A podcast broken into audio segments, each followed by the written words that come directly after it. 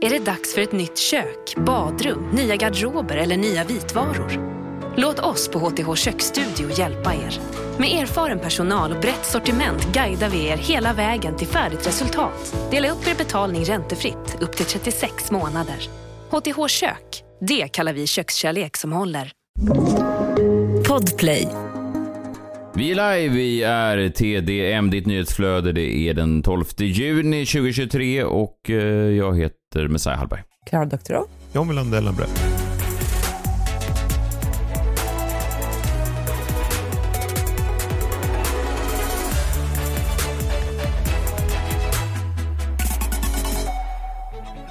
God morgon på er, ny vecka. Eh, John, du såg ut som du spelade mycket i helgen. Hoppas att du orkar ändå ha med dig någonting in. Du är vaken och så?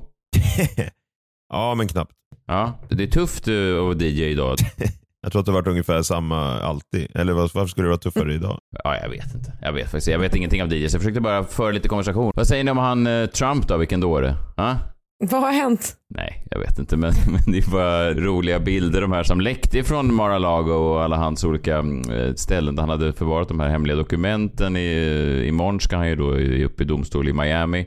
Och det senaste var väl att han sa då, ja vi ses i Miami allihopa. Eh, får se hur många som dyker upp då imorgon framför domstolen. Han, han hoppas väl då att det ska bli någon enorm uppståndelse där utanför. Men det var bara roligt att se hur han hade staplat de här lådorna på varandra som att det var han har rört sig så i en värld där det fanns inga regler överhuvudtaget så länge att han till och med nu då, efter han hade lämnat presidentskapet, tänkte att, att han skulle komma undan med det här. Vi får se, det känns som det mest allvarliga han har varit med om i alla fall. Ja, faktiskt. Ja, Men han är ju en katt med nio liv. Liksom. Han kommer väl att liv i det här också. jag tyckte han verkade vara lite på otippat, men kanske inte bra humör, men han verkade otippat snäll när han nåddes då av nyheten här på någon, han stod på någon presskonferens då och så sa någon reporter att Joe Biden hade ramlat igen. Det missade väl ingen. Nej, Att han ramlade alltså. nej, nej. Nej men då tänker man ju att Trump skulle hoppa på chansen då att liksom verkligen nita till Joe Biden eh, angående det. Men istället så var han liksom sympatisk mot honom.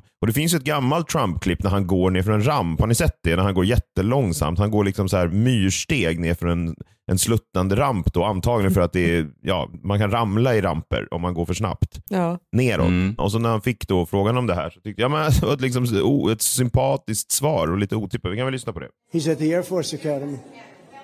He actually fell down. Well, I hope he wasn't hurt. I hope he wasn't hurt. You got to be careful about that. You got to be careful about that because you don't you don't want that.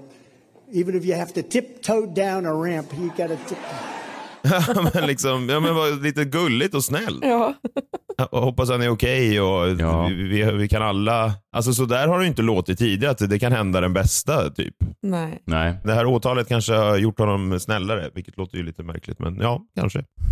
Men man kan man väl hoppas. Det hade ju läckt massa dialog han hade haft då med sina närmaste, det är väl några av dem som ska vittna nu, hur han hade då, ja men hur det var så medvetet och uttänkt de här, att han hade valt ut vilka dokument som han ändå tänkte behålla. Han sa så har, har de fått allt nu? Ja absolut, det här är allt. Och så att han var så medveten om vad han höll på med. Det ska bli intressant att se om han kan lyckas snacka sig ur det där. Det finns ju någonting om man har läst på om honom genom Genom alla år så har han ju alltid, som du sa Klara, varit en katt med nio liv och alltid kommit ur allting. Varenda våldtäktsanklagelse, varenda rasismanklagelse. Alltså han har ju blivit stämd hundratals gånger och nästan aldrig eller stämt själv för att så att säga göra att motparten inte ska ha råd och, och stämma tillbaka. och Så det vore bara ett fint slut på filmen om han till slut till och med på den där nivån då tänkte att han skulle komma undan med allt. Eller så gör han det nu också, vi får se. Det blir spännande att höra vad som händer i Miami imorgon. Ja, och blir han president så... Det kan han ju han kan inte. Han kan ju inte bli president från fängelse. Nej, men kommer fängelsedomen eh, hinna... Alltså det är väl också tidsmässigt, för alltså rättegången kommer väl inte dra... Alltså han kan ju hinna... absurt.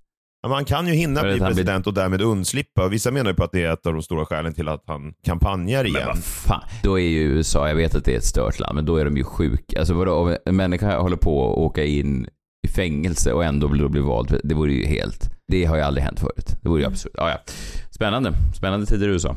Ja, det är spännande. Jag såg i Florida där eh, DeSantis, eh, Ron DeSantis um, utmarker Han har ju tagit krig mot Disney och andra sådana här woke-företag nu, vilket då ledde till att det var ett gäng eh, nazister såg jag som stod utanför Disney World där nere nu med hakkorsflaggor och liksom signalerade. Det var tydligen okej då. Det var ju en spännande syn bara då man såg de här Musse Pigg-öronen och sen så bara stod ett gäng nazister utanför. Så att det är ju, Disney själv var väl lite av en, eh, kanske tillbaks till ursprunget.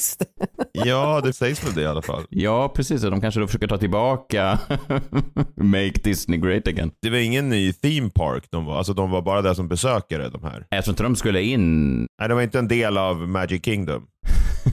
nej, det var inte så att de hade rymt från den här Indiana Jones eh, på Universal. Nej, nej. nej, det var riktiga nazister. Man blir alltså förvånad när man ser riktiga nazister. Alltså just riktiga, riktiga nazister. Alltså inte sådana här som stämmer folk i svenska tingsrätten nu, utan riktiga nazister. Sådana här som står med hakkorsflaggor och sånt där. Det... De måste ju känna att de lever i fel tid. Ja, verkligen. Finns det några som drabbas av det syndromet mer än nazister så skulle jag vilja se dem. Det skulle vara liksom kanske en, om det kom en mammut eller något liknande som tittar sig omkring. Alltså han måste ju känna, Ja, storhetstiden är ju verkligen över. både för nazister och för mammutar. På tal om mammutar, min dotter sa att jag såg ut som en mammut. Jag hade någon konstig frisyr i helgen. Och då sa jag, min dotter är 15 så det är kanske några år, på tal om att vara i fel tid. Det här hade funkat bra. Det hade då slaktat som man säger i komikerkretsar för några år sedan. Så jag, hörru du, jag är ingen mammut, jag är en papput sa jag. Och då sa...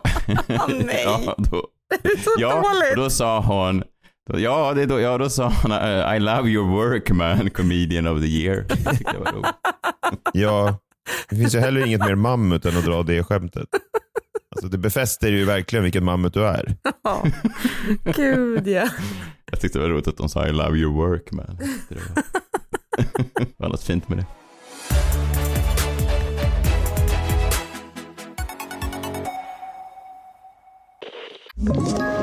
Ett poddtips från Podplay. I fallen jag aldrig glömmer djupdyker Hasse Aro i arbetet bakom några av Sveriges mest uppseendeväckande brottsutredningar. Går vi in med hemlig telefonavlyssning och, och då upplever vi att vi får en total förändring av hans beteende. Vad är det som händer nu? Vem är det som läcker? Och så säger han att jag är kriminell, jag har varit kriminell i hela mitt liv men att mörda ett barn, där går min gräns. Nya säsongen av Fallen jag aldrig glömmer på Podplay.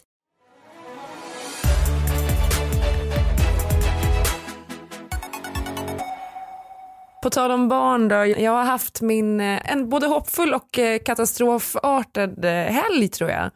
Jag blev otroligt glad när jag läste att de här fyra barnen som störtade i den colombianska djungeln har hittats vid liv, att de då har klarat sig i, vad var det, 40 dagar eller någonting, själva i djungeln. Det skulle ens egna barn aldrig göra. Alltså här var det en 13-åring och sen så var det liksom ner till ett års ålder på barnen. Men jag har följt det där ganska nära så att blev otroligt glad och överraskad. Eh, De är väl under omständigheterna okej på sjukhuset nu och eh, pappan blev också inlagd för han var ju inte med på planet. Men eh, han blev ju tydligen myggstucken då när han letade efter de här barnen. Va? Förlåt. Blev han myggstucken och krävde sjukhusvård? Men om du Nähä. blir myggstucken i Colombia då kommer du nog garanterat att hamna på sjukhus. Du får väl malaria eller någonting. Jag vet inte, de har... Jo visst, fast det är ändå lite så man, man cold grejen. Frun dör då i en flygkrasch. Barnen klarar sig 40 dagar själva utan mat i regnskogen. Och han är så här, även jag har lidit. Jag har fått ett myggbett här på vaden som jag tror är bra. Kliar som fan. Men det är väl så när det är. Läkaren bara, du ska ju inte klia på det. Det är otroligt. Otrolig historia. Man tänker ju att, hur går det till med filmrättigheter och sånt där? Kan vem som helst göra en film? För det här är ju ett filmmanus såklart. Så Alltså de sitter väl redan nu och knapprar på det i Hollywood såklart. Eller en tv-serie eller någonting. Kan vem som helst ta det här eller måste man be någon av de här barnen skriva på någon slags papper eller pappan eller, eller kan vem som helst bara spegla det hur som helst? Det kanske man kan. Jag tror att du säljer rättigheterna men du måste kanske skriva en bok först. Så det är väl det pappan får göra. De är väl all set nu för de kommer väl ifrån någon sån här ursprungsstam. Det var kanske därför också de klarade sig så bra. Då kan han väl tjäna lite pengar då för jag tror inte att de är alltför rika i sitt vardagliga liv ändå. Nej, så det var väl en liksom super high i helgen. Och sen så till min absolut eh, lägsta punkt som förälder tror jag hittills. Jag kan inte riktigt komma på att jag har gjort någonting värre eller sämre än det. Men eh, vi åkte ut då till Tori, kompisar som har hus där och eh, tillbringade helgen. Och då hade jag med mig mina eh, två yngste då och sen så har jag ju ett barn varannan vecka. På söndagen där så, ja, fan det var så mysigt här så vi kanske hoppar över femåringens fotbollsträning och så stannar vi kvar lite till och så ska jag liksom eh, vänta lite tills vi åker till stan igen. Och sen så plötsligt så kommer min man och bara, sätt dig ner. Jag bara, va? Vad är, vad är, det, vad är det? Och han bara, nej men eh, du, vi har alltså missat Bettys dansuppvisning. Och jag kan typ inte ens prata om det här utan att börja gråta för att jag känner mig så jävla dum. Och då har alltså min tioåring som jag har varannan vecka, hon eh, har dans eh, hela våren. Det är hela hennes jävla universum. Hon har varit sett fram emot det här så jävla mycket och biljetterna till dansshowen har varit slutsålda. Men då hade då hennes farmor och farfar köpt biljetter så vi fick de biljetterna. Och så, och så glömmer vi fan bort att gå. Alltså vi sitter liksom, Åh nej. vi sitter på landet och bara, alltså jag är så dålig, jag känner mig så dålig. Och du vet, man känner liksom att man får den där panikångesten när man är så långt bort och jag hör av mig till hennes pappa och bara så här, hinner vi? När går hon på? Och han bara, två minuter. Jag bara, du måste filma det här, för vi kommer, vi kommer att ta oss dit i tid. Mm. Sen så liksom sätter vi oss i bilen, för då var det också så här, nu var det inget kul att vara kvar där ute, utan vi åker hem bara. Men jag har liksom den här panikångesten så att jag nästan kräks och tårarna bara sprutar. Och så får jag så live-rapporteringar från den här uppvisningen, där vi då har tagit farmor och farfars biljetter som kunde ha gått istället för oss.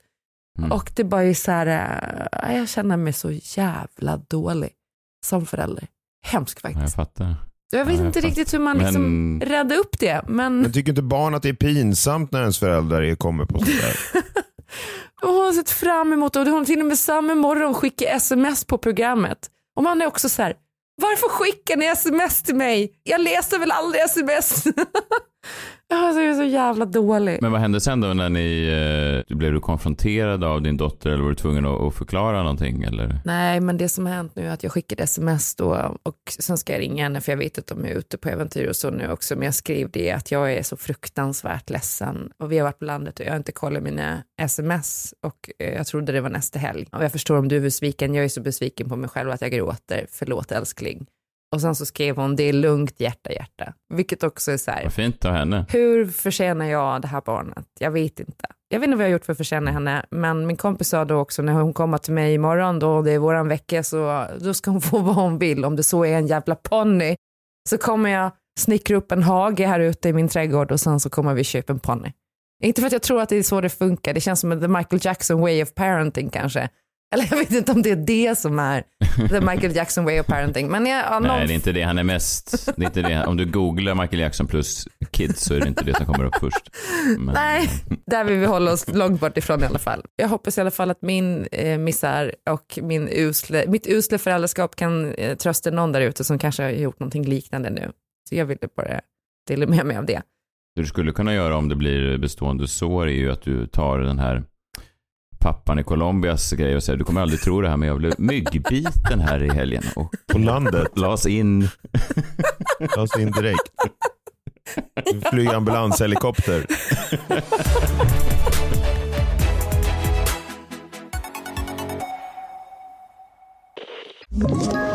Ett poddtips från Podplay. I podden Något Kaiko garanterar östgötarna Brutti och jag, Davva, dig en stor dos skratt. Där följer jag pladask för köttätandet igen. Man är lite som en jävla vampyr. Man har fått lite blodsmak och då måste man ha mer. Udda spaningar, fängslande anekdoter och en och annan arg rant. Jag måste ha mitt kaffe på morgonen för annars är jag ingen trevlig människa. Då är du ingen trevlig människa, punkt. Något Kaiko, hör du på Podplay. Därför är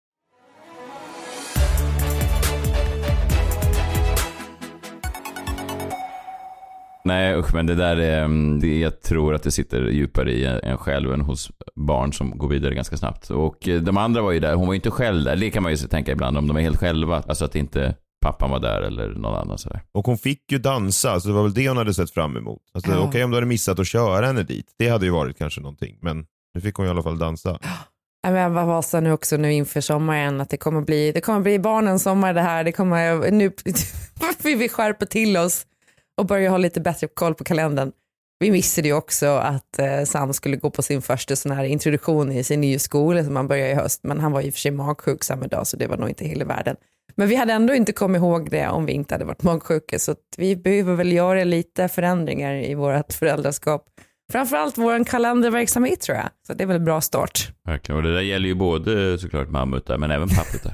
Exakt. Okej, nu är det dags för eh, minuten.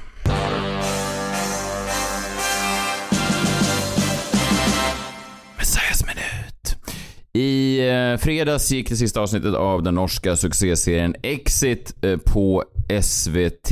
Den hade avslutats på NRK några veckor tidigare. Tredje säsongen av eh, den här serien där fyra norska finansmän och deras sviniga liv granskas i sömmarna. Den här serien var ju då NRKs mest streamade serie någonsin. Övertog den platsen som tidigare Skam hade haft. Hade premiär 2019 och sista avsnittet gick då nu 2023. Ni såg den vet jag, både Klara och Jan ett tag i alla fall. Jag vet inte om ni har sett den hela vägen fram i mål. Jag har väl sett fyra eller fem avsnitt in i sista säsongen, eller om det är sex. Jag slutade kolla efter tvåan. Men det är mörkt alltså, otroligt mörkt dekadent tycker jag. Det är ju ännu en serie i den här skolan av serier och filmer som, framförallt män då, som befinner sig i någon slags finansvärld ser, men missar kanske det mörka eller missar kanske att det inte är en hyllningsserie av Nej. kommersialismen och kapitalismen. Alltså det är, den hamnar i samma radda filmer som American Psycho, Wolf of Wall Street och de här. Många såg ju American Psycho när den kom och tänkte fan vilken skön snubbe han är Bateman. och samma sak med DiCaprio i Wolf of Wall Street. Inklusive Nej, kanske inte morden i då. kylen. Nej, nej, bra. Nej, precis. Men att de tog med sig kanske... Vadå, hudvårdsrutinen? Visitkortet. Ja, workouten och musiken och att man hade bra sköna damer och... Har ni sett den här nya gy- gymfilmen?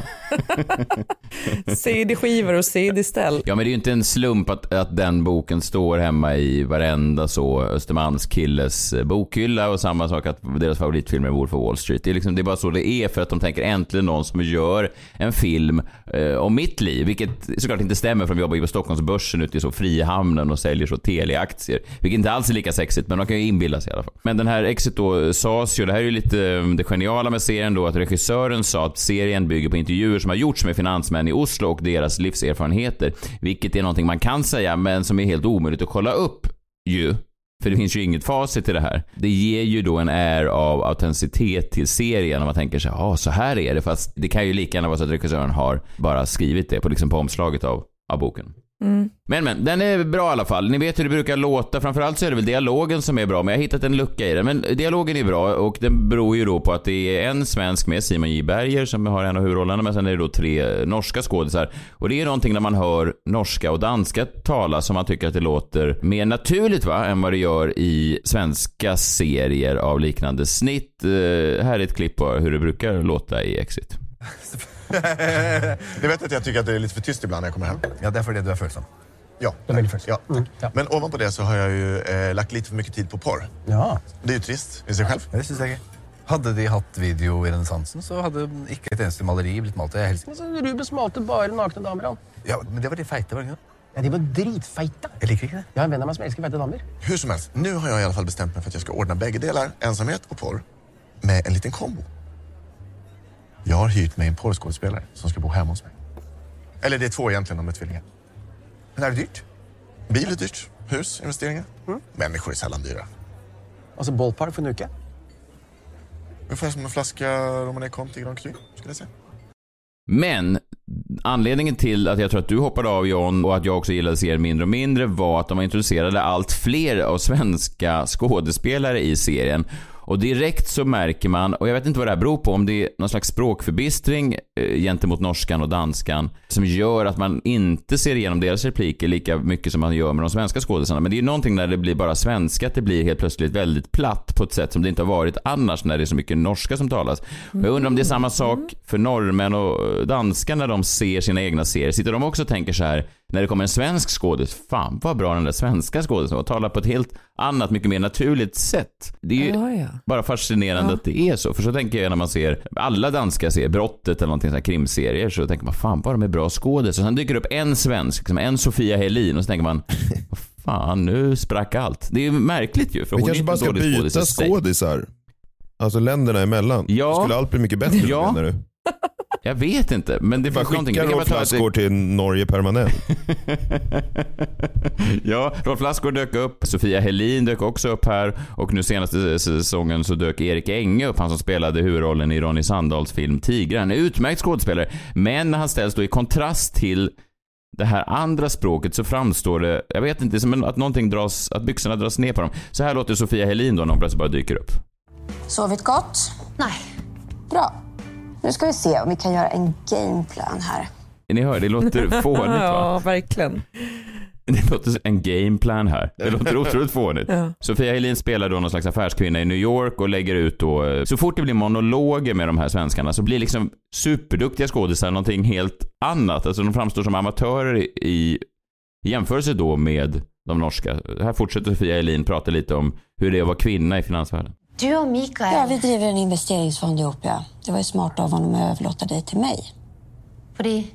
Det var att kvinnor litar mer på kvinnor. Ren darwinism. Om det ska vara i den här branschen så är det lika bra att du vänjer dig vid att enda kvinnan i rummet. Have a nice day, man. 2 procent av alla mäklare och hedgeförvaltare är kvinnor. Hela den här världen är skapad av och för män. Jag har varit i den här branschen hela mitt vuxna liv. Den är så full av testosteron och manlig självömkan att du snart kommer önska att du inte hade några äggstockar. Ja, ni hör va? Det blir... eh, Ja, stolpigt låter det ju.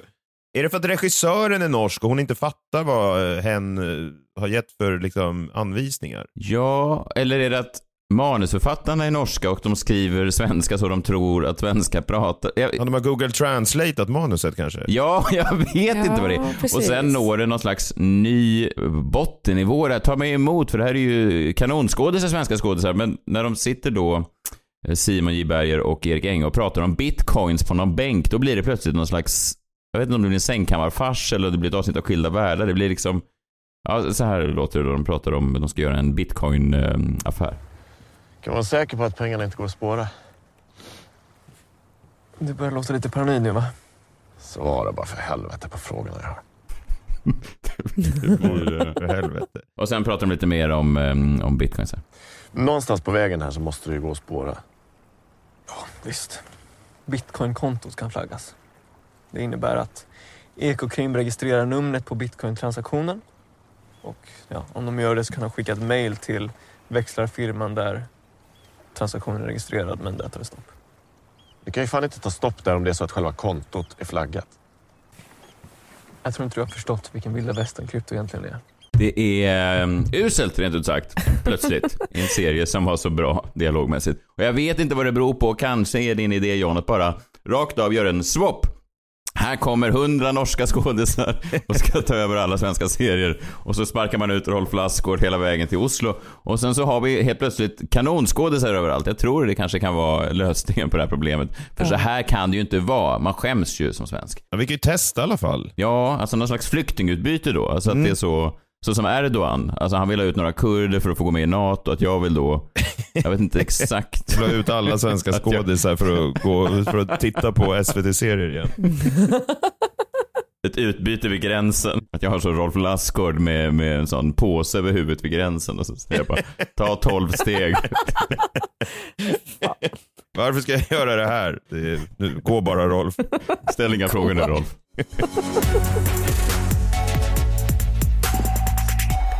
Jag såg förresten att Simon J Berger skulle göra en serie om Sverige, en historisk serie om Sverige som verkar vara någon sån här eh, mastodontproduktion på SVT. Och då slog det mig, för att jag har, man, ju, man har ju väldigt svårt för honom i Exit just. Men när man bara ser honom i övrigt, alltså så här, som en person på Instagram och sådär, att han har sina cowboy boots och sina jeans och sina, ja men okej, skräddade liksom skjortor, att han är kanske på min frikortslista nu. Ja, jag tror fan det. Jaha, att du vill, eh, okej, ja, men verkligen. Han är väl en super... Han har någonting alltså. Härlig... Ja, verkligen. Super. Och jag tror han är ganska långt ifrån den här personen som du stör dig på i Exit. Alltså, Ja, jag tror att han eller är hur? ganska vänsterkodad så, eh, som de flesta svenska skådespelare. Men Vad menar du det? Att han, att han bara går åt vänster eller? inte att han är sned i kroppen, att han så vandrar fel håll, att jag får visa honom till Norge. Utan att han går. Ditåt ska du, Simon. Vandra västerut. Imorgon är vi tillbaka, samma tid, samma kanal. Hör oss då, det blir kul tror jag. Tack för att ni har lyssnat, det uppskattar vi. Gå in på vår Instagram, DJ och snacka mer. Vi hörs imorgon då. Hej, hej. Hej! Hej!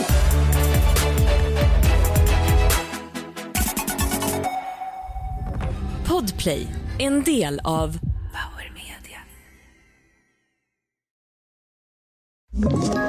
Ett poddtips från Podplay. I fallen jag aldrig glömmer djupdyker Hasse Aro i arbetet bakom några av Sveriges mest uppseendeväckande brottsutredningar. Går vi in med hemlig telefonavlyssning och, och då upplever vi att vi får en total förändring av hans beteende. Vad är det som händer nu? Vem är det som läcker? Och så säger han att jag är kriminell, jag har varit kriminell i hela mitt liv men att mörda ett barn, där går min gräns. Nya säsongen av Fallen jag aldrig glömmer på Podplay.